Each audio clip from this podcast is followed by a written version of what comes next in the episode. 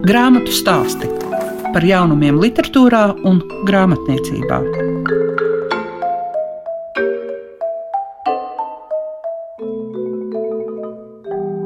Tie, kuri patvērumu rod grāmatu lapusēs, to lasot, noteikti var būt šīs 20 minūtes gana ieinteresēti un paklausīties. Mēs skanām klasikā, un tie ir grāmatu stāsti. Kopā ar jums Liega Piešiņa. Un šīs dienas raidījumā jūs dzirdēsiet Moniku Zīli. Viņa stāstīs par savu jaunāko veikumu romānu Tumšā puse – Uzzināsiet, ko var atrast ceļvedī lasām vietas, kas ir par lasīšanas vietām 20. gadsimta sākumā, kā arī ciklā vērtē lasītājs par Karlosa Ruisa Safona romānu Rēgu labirints. Grāmatu stāsti programmā Klasika. Monika Zīle ir šīs dienas grāmatu stāstu ciemiņš, un ir atkal jauna grāmata tumšā puse. Vai jūs, Monika, esat saskaitījis, cik jums kopā ir to grāmatu? Es skaitīju, man tiešām sanāk daudz. Tur kaut kas jau pāri trijiem desmitiem. Nu, bet tā ir tāda ļoti daudzu gadu raža. Jo, ja es skaitu klāt tās grāmatas, kas man iznākušas, tajās vēl uh, apgāda avots, tajās sērijās, kur bija par laiku, tur cilvēks un laiks, vai vēl kaut kas tāds arī tur apraksti un tādas lietas. Jā, tā tas sanāk. Cik tāls vai cik liels plats ir tas solis no žurnālistikas līdz romānam? Redzat, es domāju, tur katram tā atbilde būs citāda. Jo nu, šķietami ka tas solis varētu būt tāds eh, ļoti īss. Jo nu kā, nu, rakstā bija divi, un tas rīks, ar kuru darbojās, ir valoda gan žurnālistikā, gan literatūrā, bet nu, atšķirības tur ir diezgan lielas. Tāpēc, ka žurnālistika ir dokumentāla, vienmēr tikai dokumentāla. Bet literatūrā tomēr liela nozīme ir iztēlēji. Un iztēlēji, un žurnālistam, ja tu esi ilgus gadus strādājis visu laiku tajos konkrētā fakta rāmjos, tad atļauties pārkāpt tiem pāri, vispirms pašā sākumā ir diezgan pagrūti. Jo tev visu laiku gribas kaut ko visu laiku paskaidrot. Lietas, kuras nebūtu jāpaskaidro. Literatūrā nē, tam paskaidrojumam ir jāizriet no kaut kā cita pavisam. Es tagad tā kā arī tā sāku tādu. kā literārās akadēmijas pasniedzēja. Jā, jā, bet, nu, protams, ka žurnālistika tādā ziņā, es domāju, ka rakstniekam noder. Nu, noder tāpēc, ka tas dzīves vērojums tā žurnālistika. Tomēr, ja tu neesi tāds kabineta žurnālists, kurš tur visu laiku tikai pārtiek no kaut kādiem sociālo tīklu, teiksim, kaut kādiem faktiem, ja tu satiecies ar tiem dzīvajiem cilvēkiem, tad tur ir ļoti daudz tādu vērojumu, tās krāsas, dzīves krāsas, tur ir ļoti daudz. Cilvēki ar jums sarunājoties atveras? Nu, es negribētu sacīt, ka viņi nāk pie manis tā kā atpogājušies līdz galam. Tā nav. Vienīgais tad cilvēks atveras, ja viņš jūt, ka patiesi tev interesē tas, ko tu viņam jautā. Tad jā, formāli kaut kādus jautājumus uzdodot, tā nenotiks tev ir jāsāk stāstīt, pēc kurzemē esmu diezgan ilgi strādājusi. Un kurzemniekus tā raksturo kā cilvēkus tādus noslēgtus un kā saku, šerpus tādus, un tā tas ir. Bet vēl jau ir arī tā, ka ir jārēķinās ar to, ka tu pie tā cilvēka ierodies, viņš arī tā kā uztraucies, un viņš arī negrib tā kā uzreiz. Un tad ir kaut kādas lietas, ar kurām es zinu, ka laukos tas ir ļoti vienkārši tāds slēga tādā ziņā, ka tu tur lēt, tur kā uz tevi tur skatās caur sānu un it kā tā, nu tad sāca, kā šitās puķītes jums te auga, kā jums viņas ieauga un kā no kā viņas ieaudzē. Un kā tas, un jūs saprotiet, un, ka tu aizēji no tām vienkāršām lietām, nu tā kā no tādām, kur tas cilvēks ļoti labi zina un pazīst un ka tu par to interesējies. Patiesi. Jā, un ka tu patiešām par to interesējies, un tu uzdod jautājumus vēl un vēl, un tad, tad jau tā, jā, nu tur ir arī tāds, ka šodien, nu tā žurnālistika ir, protams, mainījusies ļoti stipri, un, nu, ir jau žurnālos, protams, daudzos tajos arī tie ar cilvēkiem sarunas un apraksti, un ir kādreiz ļoti tādi, nu, ko patīkami lasīt, bet, nu, žurnālistika ir mainījusies, un mēs arī mainamies.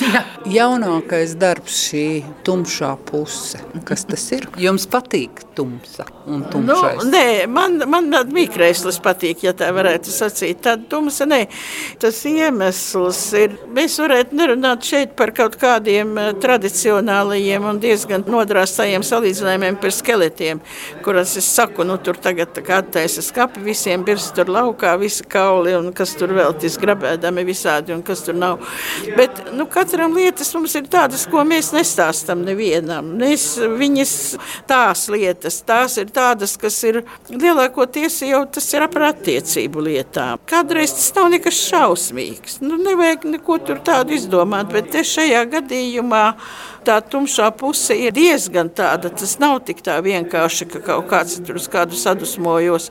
Te ir sieviete, kurai pirms 20 gadiem, tad, kad viņa bija tāda pusaudze un, un uz apstākļu pēc, viņa bija iemesta tur tajā konkrētajā vietā, kur viņa dzīvoja. Viņai tika nodarīts pāri, patiešām atklāti, neslēpti, tā tīšām. Pēc tam ir bijuši viņai speciāli psihologi strādājuši, lai izravētu šo traumu traumu un liekas, ka tas ir pazudis. Jā, bija kādreiz, ko tur vairāk.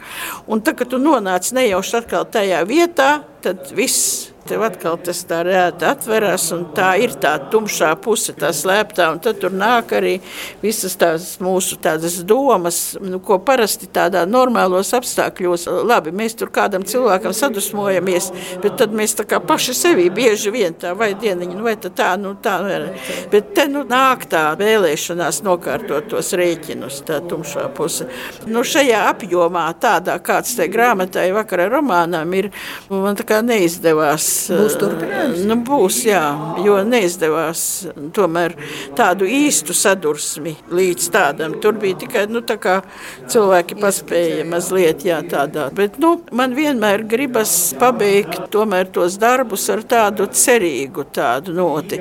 Es nezinu, mani tie saucamie ļaunie cilvēki nekad nepāraug. Ne, es tā nedomāju. Bet vienkārši nu, tā beigās tur sakārtojas tā dzīve tajos plauktos, katrs aiziet pa to savu ceļu, bet nu, kaut ko viņi nokārto savā starpā. Tas neatiecas uz šo darbu, bet es gribu teikt, Monika, ka jūsu darbi ir tieši tādi, ka, tā, kad tu izlasi, tad tu dzīvo līdz tiem varoņiem un padomā, nu, ko viņi varētu darīt arī pēc tam.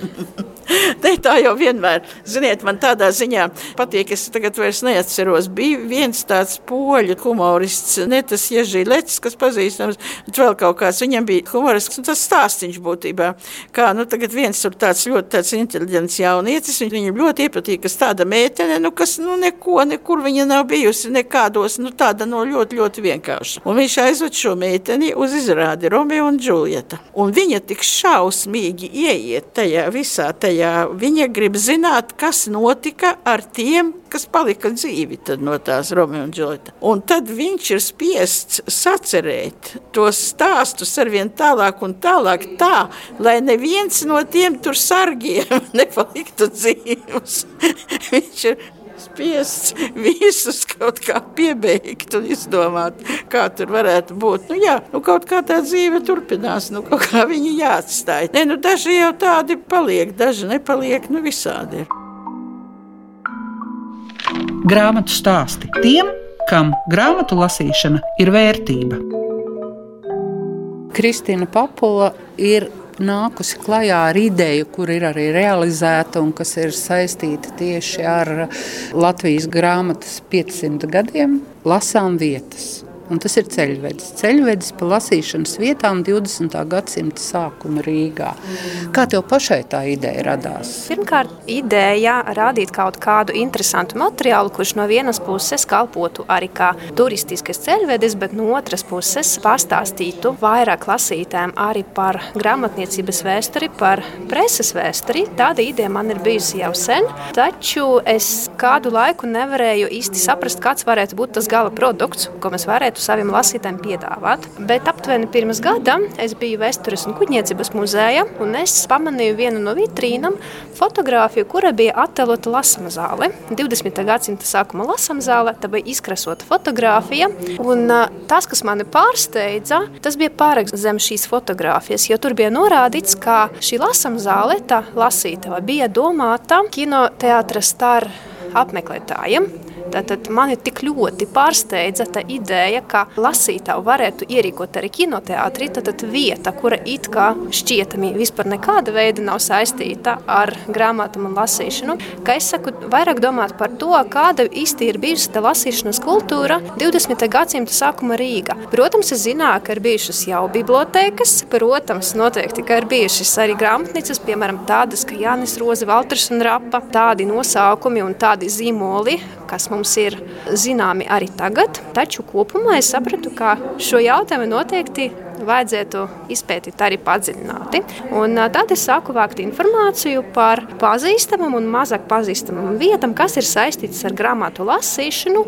Un pie reizes man ienāca prāta domā, kā to tematu varētu paplašināt un vairāk pastāstīt arī par tām vietām, kas ir saistītas ar grāmatu izplatīšanu, ražošanu un tā tālāk. Tāpēc šī ceļvežā gala versija mēs stāstam ne tikai par bibliotekām un lasītavām, bet arī par grāmatnīcām, par preses kioskiem, par izdevnicībām, tipogrāfiem un citām interesantām vietām, kuras kaut kādā veidā ir saistītas ar lasīšanas kultūru. Kuras ir tās interesantās vietas? Man jau šķiet, ka visas ir interesantas vietas. Tas, kas mani uzrunāja paši visvairāk, izņemot to kinovārietes stāru lasam zāli, tā noteikti ir piemēram Vilhelma Kķūzes bibliotēka, kas bija domāta šokolādes fabrikas strādniekiem. Kad es iedomājos to bibliotēku šokolādes fabrikā, tad man tas šķiet tik neparasti un tik fantastiski, un otras puses arī ļoti svarīgi, jo tāds fakts palīdz mums ielūkoties vairāk tajā lasīšanas kultūras vēsture un varbūt iepazīt to no tādas diezgan negaidītas puses. Vai bija tā, ka dažbrīd fotografija bija tā, kas pirmā norādīja uz to, ka tā varētu būt šī lasām vieta, vai tomēr vispirms bija tas stāsts? Es teikšu godīgi, veidot šo ceļvedi, vizuālais materiāls man bija tikpat svarīgs kā tekstuālais, un iespējams pat vēl svarīgāks. Tāpēc, kā lasām vietu ceļvedis, tas ir tāds materiāls, kur katram objektam ir piemeklēta vēsturiska fotografija. Tāpēc viens no svarīgākajiem un tādiem arī mm, sarežģītākajiem uzdevumiem bija ne tikai atrast informāciju par šīm bibliotekām, izdevnicībām, tipogrāfiem, bet arī atrast to piemērotu vizuālu materiālu, to bildi, kura uzrunātu lasītāju un kura sniegtu iespēju iegremdēties tajā atmosfērā. Jo vēsturiskas bildes ir tīpaši tad, kad mēs skatāmies uz fotografiju, kur cilvēki apmeklē kādu lasītāju, gatava kaut ko lasa, kāds varbūt gaida kādu draugu. Tas palīdz arī labāk saprast to 20. gadsimta sākuma atmosfēru. Tāpēc jā, šai gadījumā vizuālais materiāls iespējams bija pat vēl svarīgāks nekā teksts. Cik no tiem objektiem vēl tagad mēs varam uzskatīt par lasām vietām. Jūs domājat, cik no šiem objektiem ir saglabājušies līdz mūsdienām un ir atrodami tās pašas adreses? Es speciāli pajautāju, jo ir objekti, kuri atrodas vēl joprojām turpat Ir arī tādi, kuri mūsdienās pastāv, taču savu adresi, atrašanās vietu ir mainījuši. Nu, piemēram, šajā ceļvedī jūs varēsiet atrast Jāņa Rozes grāmatnīcu, kas atrodas Krišņa Barna iela 5. Ir pazīstama daudziem rīdziniekiem, bet tas, ko varbūt zina mazāk, ir tas, ka arī pirms simts gadiem jūs varat turpat atrast pašu grāmatnīcu. Taču savukārt, piemēram, Rīgas pirmā publiska lasītava un bibliotēkā, tas ir nosaukums, kurš varbūt šodien īpaši neko neizsaka mūsdienu cilvēkiem. Taču 20. gadsimta sākuma tā bija publiskā biblioteka, kas tika dibināta speciāli plašam lasītājam lokam, un mūsdienas tās tradīcijas turpina Rīgas centrāla biblioteka ar savām daudzām filiālēm. Tāpēc jā, šajā ceļvedī jūs varat atrast gan tādas vietas, kuras pastāv vēl joprojām, piemēram, Latvijas Nacionālās bibliotēkas sēku bibliotēku namu Krišana Barona iela 14. Jūs varat redzēt arī tāda pašā ārējā veidola, ārējā veidola kā tas ir attēlots fotografijā šajā ceļvedī. Bet ir, diemžēl, arī tādas vietas, no kurām ir palikušas vien atmiņas, un tās līdz mūsdienam nav saglabājušies vai nu kara darbības dēļ, vai nu kādu citu iemeslu dēļ. Grāmatu stāsti programmā Klasika. Latvijas Nacionālās Bibliotēkas galvenā bibliogrāfa fondu izpētes jomā Kristīne Papula uzbūra mums 20. gadsimta sākuma Rīgu un lasām vietas. Bet jāsaka, ka ieceres vēl ir gana interesantas. Pastāstīt arī par citām interesantām vietām Rīgā, kuras ir saistītas ne tikai ar latviešiem. Bet tūlīt pat uzzināsiet par Karlosa Ruisa Safona rēgu labirints no lasītāju viedokļa. Un jāsaka, kā Lilija, kas vērtē izlasītās grāmatas, ir rakstījusi rēgu labirinta 900 lapušu, ne ķieģelis, bet īsts bruģakmenis. Bija īstā medusmaize, kad gribas tā pa īstam iegrimt sižetā, kas apvienots ar gotisko Barcelonas tēlojumu, domgraudiem un valodas spēlēm. Klausīsimies, kā grāmatu vērtē Baiba. Es izlasīju rēgu labirintu, ceturto daļu Karlos Ruijas Safona grāmatu sērijai.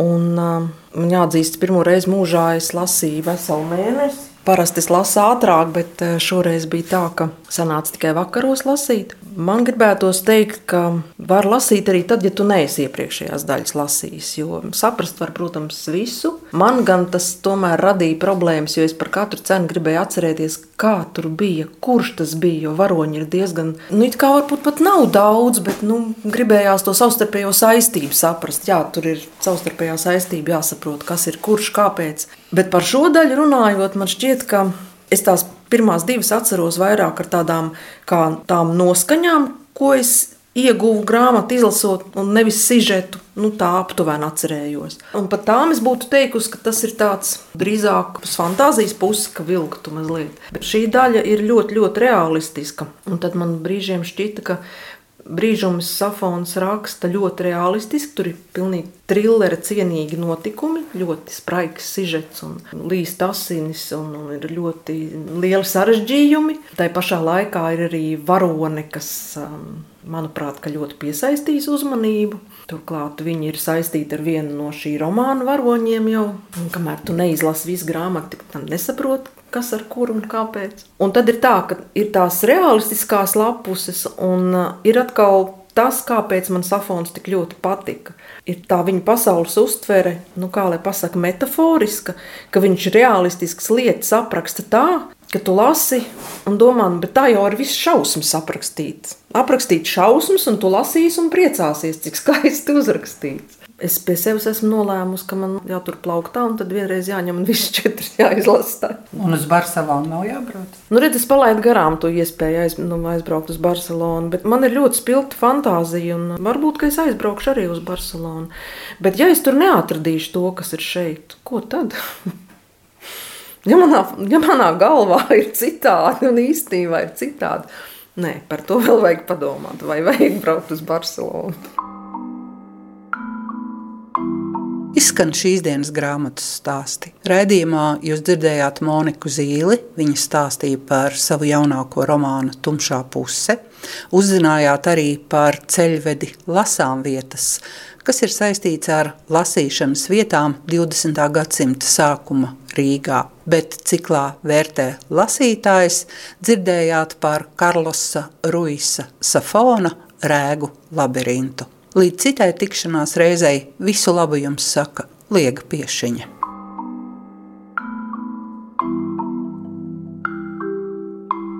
Grāmatu stāsti par jaunumiem literatūrā un grāmatniecībā ik trešdienu, 9.5. ar atkārtojumu Svētdien, 18.15.